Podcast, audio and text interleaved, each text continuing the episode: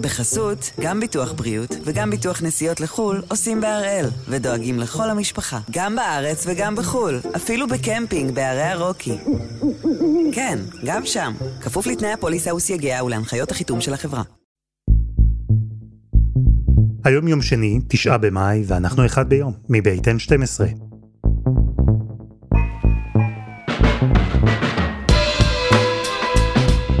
אני אלעד שמחיוף ואנחנו כאן כדי להבין טוב יותר מה קורה סביבנו, סיפור אחד ביום, כל יום.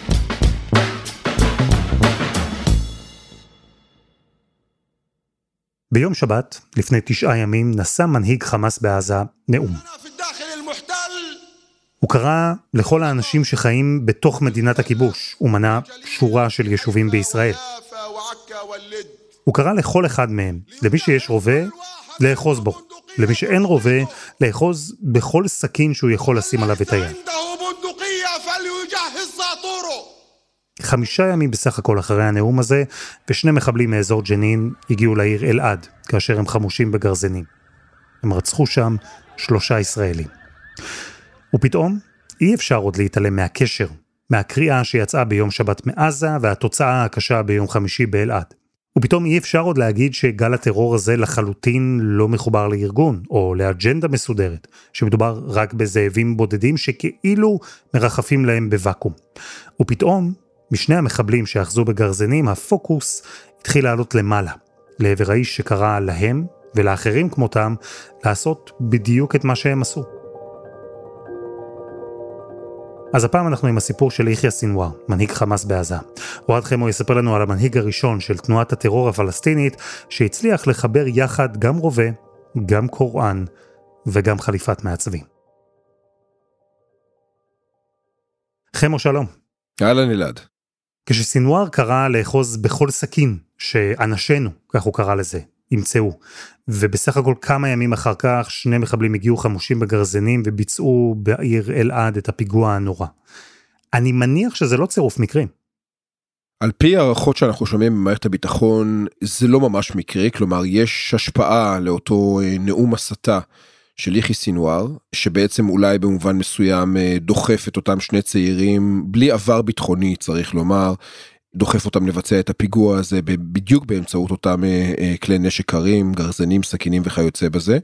אבל אתה יודע, אני חייב לומר לך שאני קצת אה, תוהה סביב כל השיח הזה בישראל, כי נדמה שרק עכשיו בישראל גילו את יחי סינואר, גילו אותו, גילו את הטרמינולוגיה שלו, את הנאומי הסתה שלו, ושום דבר ממה ששמענו בנאום האחרון אלעד, שום דבר, לא חדש, לא מפתיע, זו לא פעם ראשונה, אנחנו שמענו את הדברים האלה, אנחנו שמענו את הסגנון הזה, כן, יש התחדדות, יש הקצנה, אבל ללא ספק שאתה הולך אחורה לביוגרפיה של סינואר, אתה יכול אה, לזהות את אה, מה שיהפוך אותו לימ, לימים אה, לדמות מן הסוג הזה.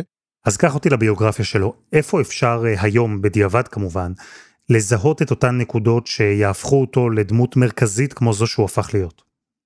ראשית אנחנו מדברים על אבו אברהים יחיא סינואר אדם שחוגג 60 השנה הוא נולד במחנה הפליטים ח'אן יונס ברצועת עזה ואם השם הזה מוכר לך אז אה, לא בכדי. גם מוחמד דף ראש הזרוע הצבאית של חמאס ברצועה נולד בח'אן יונס. גם מוחמד דחלן נולד בח'אן יונס. מחנה הפליטים הזה הוא ללא ספק אה, מקום שבו רבים מבכירי הטרור אה, ברצועת עזה נולדו.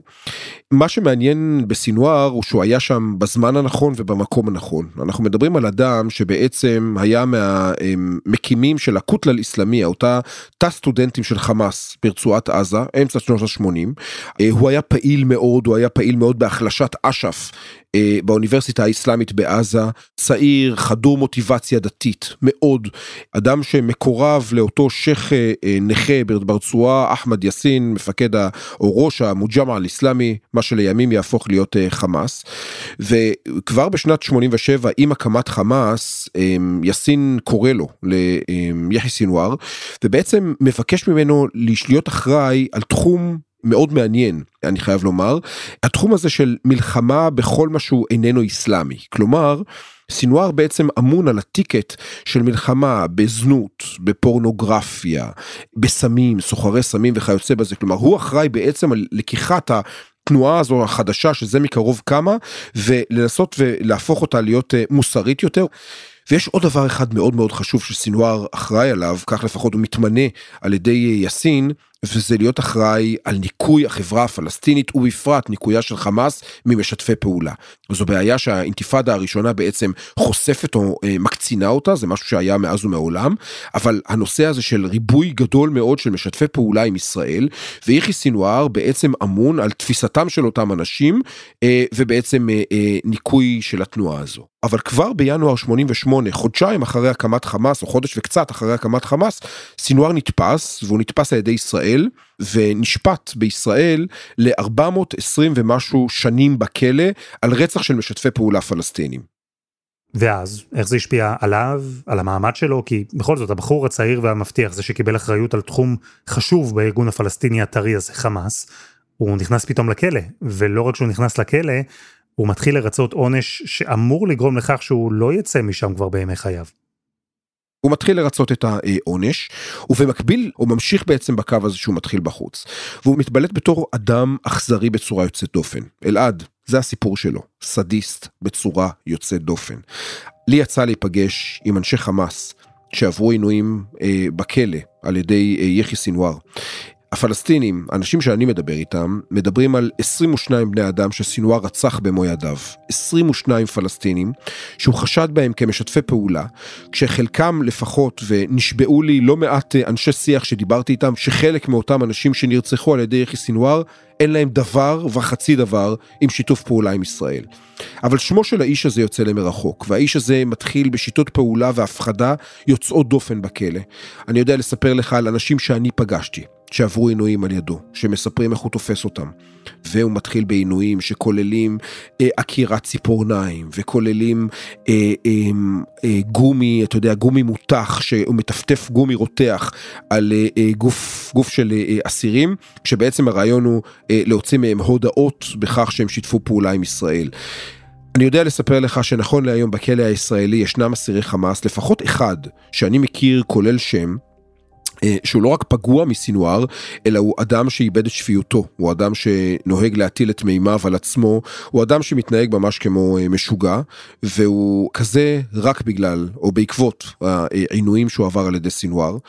ישנם לא מעט אנשים שמסתובבים היום, לא מעט משפחות שמסתובבות היום בשטחים, הרבה אנשים בגדה, חברון, שאילו יחי סינואר היה נופל לידיהם, הם היו פשוט שוחטים אותו בעקבות באמת מה שהוא עשה שם, ואני חייב לומר לך ששמו כרוצח, סדיסט, מענה, יוצא למרחוק כבר בכלא ויש לו שנים ארוכות בכלא. הוא מטפס בהיררכיה, הוא הופך להיות אחד מבכירי חמאס אה, בבתי הכלא בישראל, וזה קצת מוזר אלעד. זה מוזר כי אתה מצפה שבכיר חמאס בכלא יהיה אדם ששחט או רצח יהודים, אדם שתכנן פיגועי תופת, אדם שתכנן פיגועי התאבדות, אדם שעל ידיו ישנם דמם של עשרות יהודים, ולא כך הוא. הוא עדיין מצליח לטפס בהיררכיה של חמאס והופך להיות אחד מהמנהיגים אה, של חמאס בכלא. גם בגלל ההיסטוריה שלו, אבל גם בגלל ההיסטוריה המשפחתית שלו. מה זאת אומרת? על איזה קשר משפחתי אתה מדבר כאן?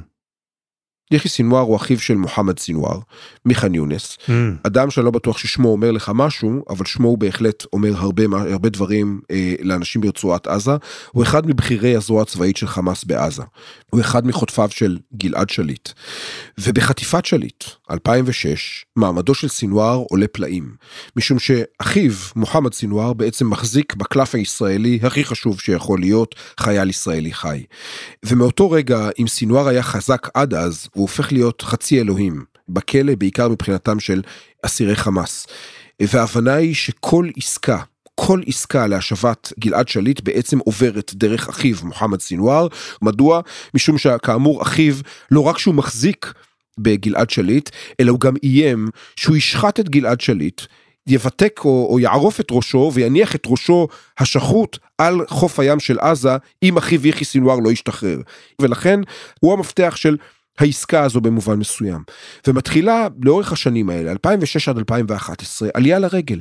אסירי חמאס בתוך הכלא עולים לרגל ליחי סינואר, מתחננים, מבקשים, אה, מפצירים בו שהוא, הוא הוא, יכלול אותם בתוך הרשימה של האסירים שהשתחררו. עכשיו זה דבר מדהים, זו מחשבה באמת יוצאת דופן שאסיר אחד מחזיק בכוח כל כך גדול, יוצא דופן מתוך הכלא.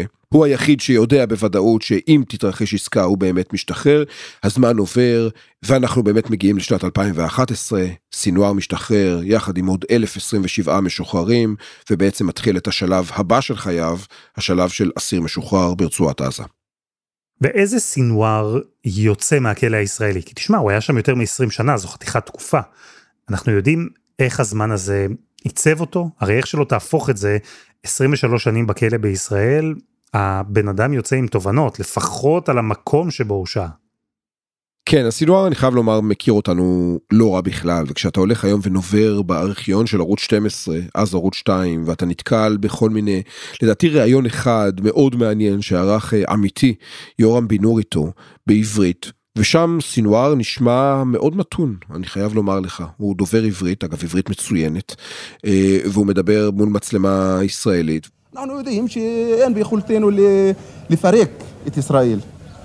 אני חושב שהעמדה שלנו שאנחנו נתמוך בכל דבר שירגיע את האזור.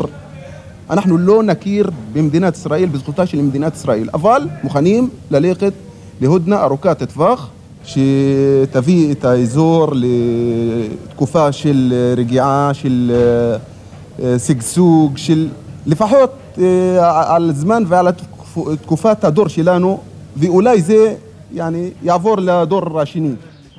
אותו סינואר, לפחות כשהיה בכלא, נשמע אדם די מתון. אה, ואני יודע לומר לך יותר מזה, גם עם אנשים שדיברו איתו, אנשים מתוך הסגל, שנמצאים בקשרים טובים עם סינואר במהלך השנים האלו, עד 2011, אני יודע לספר לך שהאיש לא נחשב לדמות קיצונית מדי, לפחות לא בתפיסה שלה כלפי ישראל. יחיא סינואר יצא מהכלא בישראל עם הבנה שמדינת ישראל היא עובדה מוגמרת. לפחות זה מה שהוא אמר למצלמות שלנו אז. והנה, 12 שנה חלפו מאז השחרור שלו, ואותו סינואר קורא היום למוסלמים לצאת עם סכיני קצבים, הכל כחלק מתוכנית גדולה שלפחות הוא מאמין שתוביל להשמדתה של ישראל. אבל קודם חסות אחת, וממש מיד חוזרים.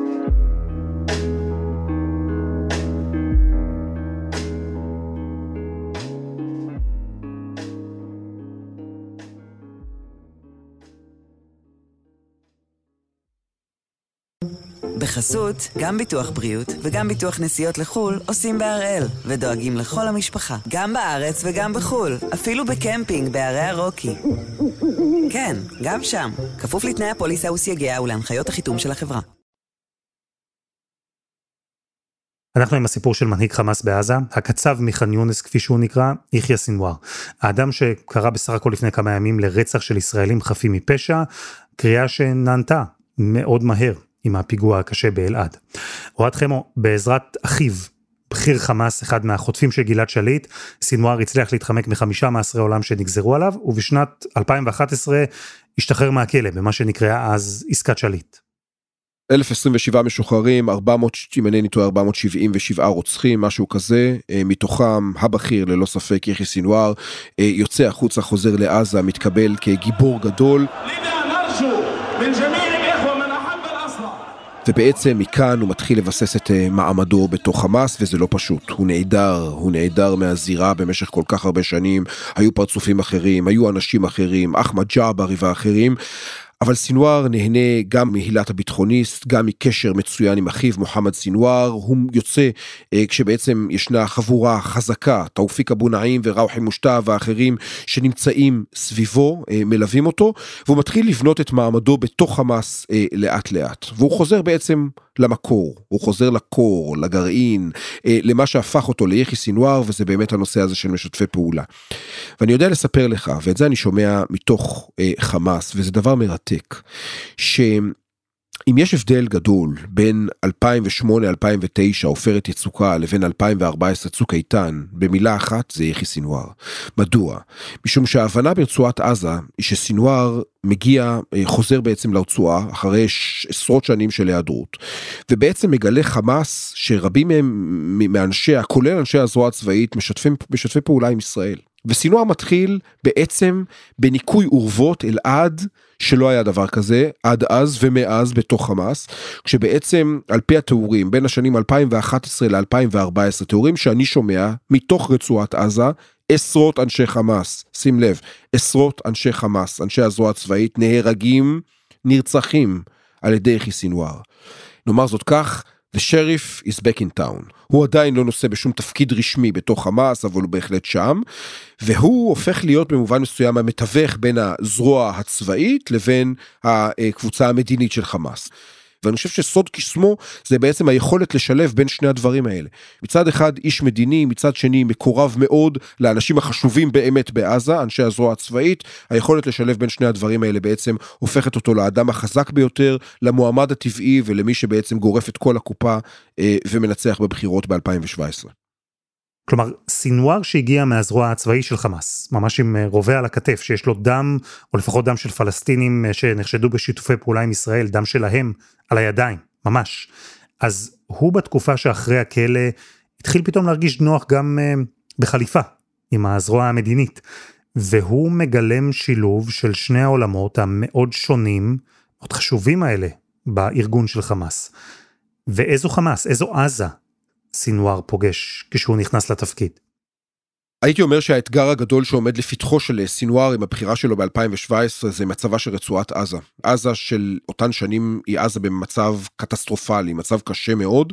אני רוצה להזכיר כמה שנים לפני כן, סיסי נבחר לשלטון אה, במצרים, ואחד הדברים הראשונים שהוא עושה זה לנתק את צינור החמצן של רצועת עזה, את אותן 1200 מנהרות הברחה אה, שנמצאות תחת אה, ציר פילדלפי, הוא מנתק כמעט את כולן, ועזה שנהנתה משגשוג ופריחה בתקופתו של מוחמד מורסי, מורסי, איש האחים המוסלמים אה, במצרים, שבה להיות מקום סגור ומבודד, מקום חלש, אה, כלכלית, חברתית, אה, אבטלה בשמיים, בעיות חשמל, בעיות מים, מכל הכיוונים, ולתוך המציאות הקשה הזו נבחר יחיא סינואר, מתוך איזושהי תקווה, שאגב תתממש לימים, שהוא יצליח לשנות את אה, מצבה של אה, רצועת עזה. ו? ובאופן מאוד מפתיע, סינואר לא מתחיל במלחמה. סינואר אה, מתחיל דווקא בגישושים מסוימים כלפי הפסקת אש. רוצה לקדם את הנושא של תהדיה, של הודנה, של הפסקת אש עם, אה, אה, עם ישראל, וזה בעצם הדבר הראשון אה, שהוא מתאפיין בו באופן מפתיע, ואני חייב לומר לך, רבים מאוד מופתעים אה, מהדבר הזה. מדוע זה חשוב? משום שסינואר הוא טרוריסט. הוא איש חמאס שמאמין ב, ב, בכל ליבו ונשמתו שישראל תיעלם, תושמד במלחמה, בפיגועים, בעימות צבאי בין אה, רצועת עזה ואולי גם חלק משאר אה, מדינות העולם הערבי לבין מדינת ישראל. ובכל זאת, מה שהוא עושה זה לאמץ איזושהי תפיסה של מוקאוומה שעביה, של עימות אה, עממי, נאמר זאת ככה, או מאבק עממי. צעדות שיבה, אה, אלפי אנשים, רבבות של אנשים, חלקם הגדול לא חמושים שמגיעים לגדר. וזה נורא מוזר, אתה יודע, היית מצפה שסינואר יכריז על מלחמה שערה נגד ישראל, ולא כך הוא. וזה חשוב מאוד להבין, אלעד. הדרך של סינואר ללחוץ על ישראל, לקבל את הפסקת האש, לקבל את התהדיה, ללכת עם הפסקת אש ועם שיקום רצועת עזה, מתחילה באמת בדרך אה, צעדות השיבה האלו. וזה הולך לו במובן מסוים, זאת אומרת זה קלף שבדרך זו או אחרת מצליח, אין אמנם הפסקת אש, אבל עזה מתחילה באמת להשתקם לאט לאט, וסינואר בעצם האיש שכל כך חששו ממנו בשלב הראשון, מתגלה אה, לפחות בשלבים הראשונים כאדם פחות מטריד או, או מנהיג פחות מאיים ממה שחשבו. אבל זה עדיין אותו סינואר, והנמר לא ישנה את אה, חברבורותיו בשום צורה, ומה שקורה אה, במהלך השנים הוא שסינואר חוזר לעצמו, ואנחנו רואים בעצם את האיש הזה שמוביל קו מאוד ברור, והקו אומר אנחנו חמאס מגני אל-אקצא, אנחנו חמאס איננו רק שליטי רצועת עזה, התפקיד שלנו הוא גדול הרבה יותר, יש לנו תפקיד היסטורי גדול הרבה יותר אה, על, על ציר הזמן, ולי יחי סינואר אין שום משמעות, אין שום חשיבות. וכל זה עבד? הציבור בעזה, הבכירים האחרים בחמאס, הם תמכו בסינואר ובדרך הזו שהוא הנהיג? שאלה מעולה, ואם אתה שואל את אה, אנשי החמאס אה, ברצועה, אז כנראה שלא כל כך, משום שבבחירות האחרונות מועמד חצי אלמוני, ניזר עוודאללה, שמו בטח לא יגיד שום דבר כמעט למאזינים שלנו כאן, מגיע בעצם לסיבוב האחרון מול יחי סינואר, ומנצח אותו בהתחלה על חודם של כמה קולות. זה לא מספיק לו כדי לנצח, אבל הוא גובר עליו. ואנחנו מדברים על ניצחון בסוף של סינואר שמנצח אותו שוב בקולות בודדים רק בסיבוב הרביעי. וזה היה כמעט רעידת אדמה, אתה יודע, אחרי ארבע שנים, סינואר כמעט מודח מתפקידו כמנהיג חמאס אה, ברצועת עזה, ואז אה, נשאלת השאלה מדוע זה קורה, והתשובה היא שיש לו הרבה שונאים בתוך חמאס. יש לו הרבה אנשים שמפחדים ממנו. ואתה יודע, כשאתה מנסה רצים, ניתזים שבבים, אז השבבים האלה הם רבים וגדולים, שזה כולל כמובן אנשי חמאס או משפחות של אנשים שנפגעו מסינואר, זה כולל אנשים כאלו שבעצמם שנחשדו נחשדו על ידו כמשת"פים, ויש גם אנשים שחושבים שאתה אה, יודע שהוא הוא, הוא לא עושה את תפקידו נאמנה. כך שבגלל הרבה מאוד פוליטיקות פנימיות בתוך חמאס, ובגלל חוסר מרוצות של חלק מאנשי החמאס ברצועת עזה כלפי האופן שבו סינואר מנווט את הדבר הזה, אנחנו באמת ראינו שהוא כמעט הודח, אבל רק כמעט. ב-2021 הוא נבחר לעוד ארבע שנים של קדנציה.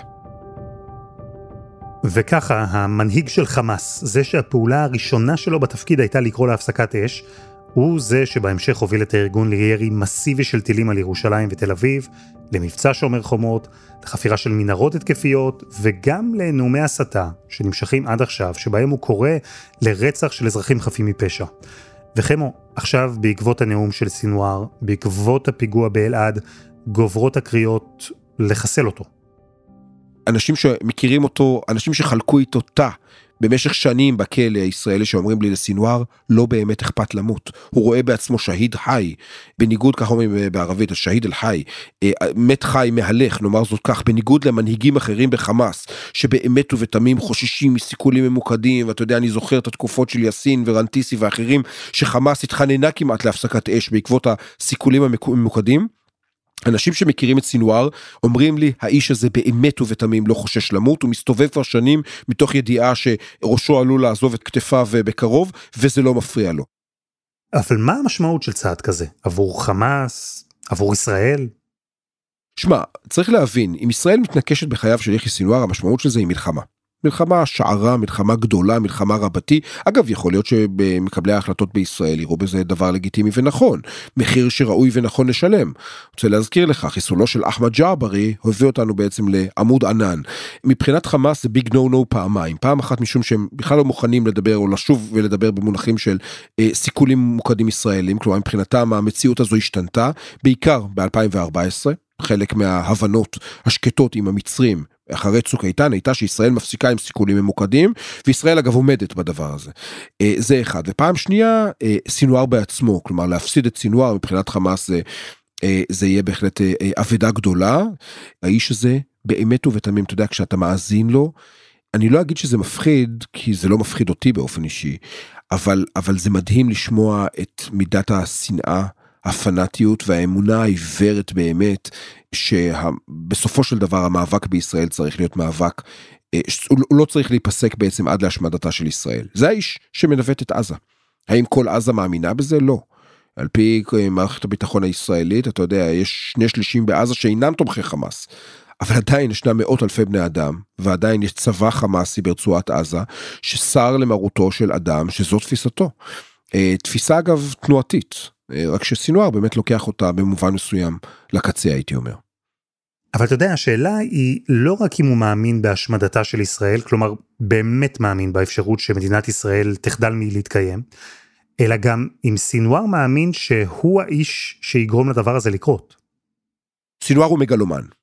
סינואר הוא מגלומן אמיתי אדם שמאמין באמת ובתמים שהוא הממשיך של סלאח א-דין עד כדי כך אדם שרואה בעצמו כמי שנבחר ישות שנבחרה על ידי האל כדי להוביל את הפלסטינים בעימות הגדול במאבק הגדול עם ישראל והמאבק הגדול עם ישראל מגיע השנה לכאורה שנת 2022 השנה שבה לפי חלק מהנבואות בסם ג'רר ואחרים ישראל תיעלם מהמפה.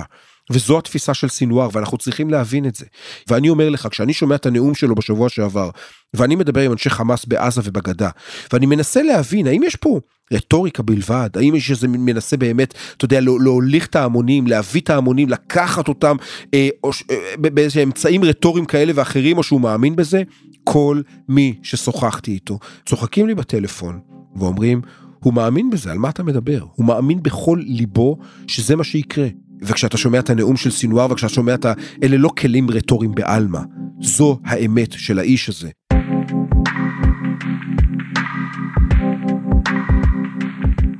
חמו, תודה.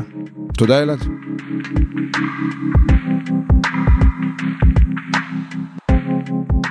וזה היה אחד ביום של N12. אתם מוזמנים כרגיל לפייסבוק שלנו, פשוט חפשו אחד ביום, הפודקאסט היומי. העורך שלנו רום אטיק, תחקיר והפקה רוני ארניב, עדי חצרוני ודני נודלמן, על הסאונד יאיר בשן שגם יצר את מוזיקת הפתיחה שלנו, ואני אלעד שמחיוף, אנחנו נהיה כאן גם מחר.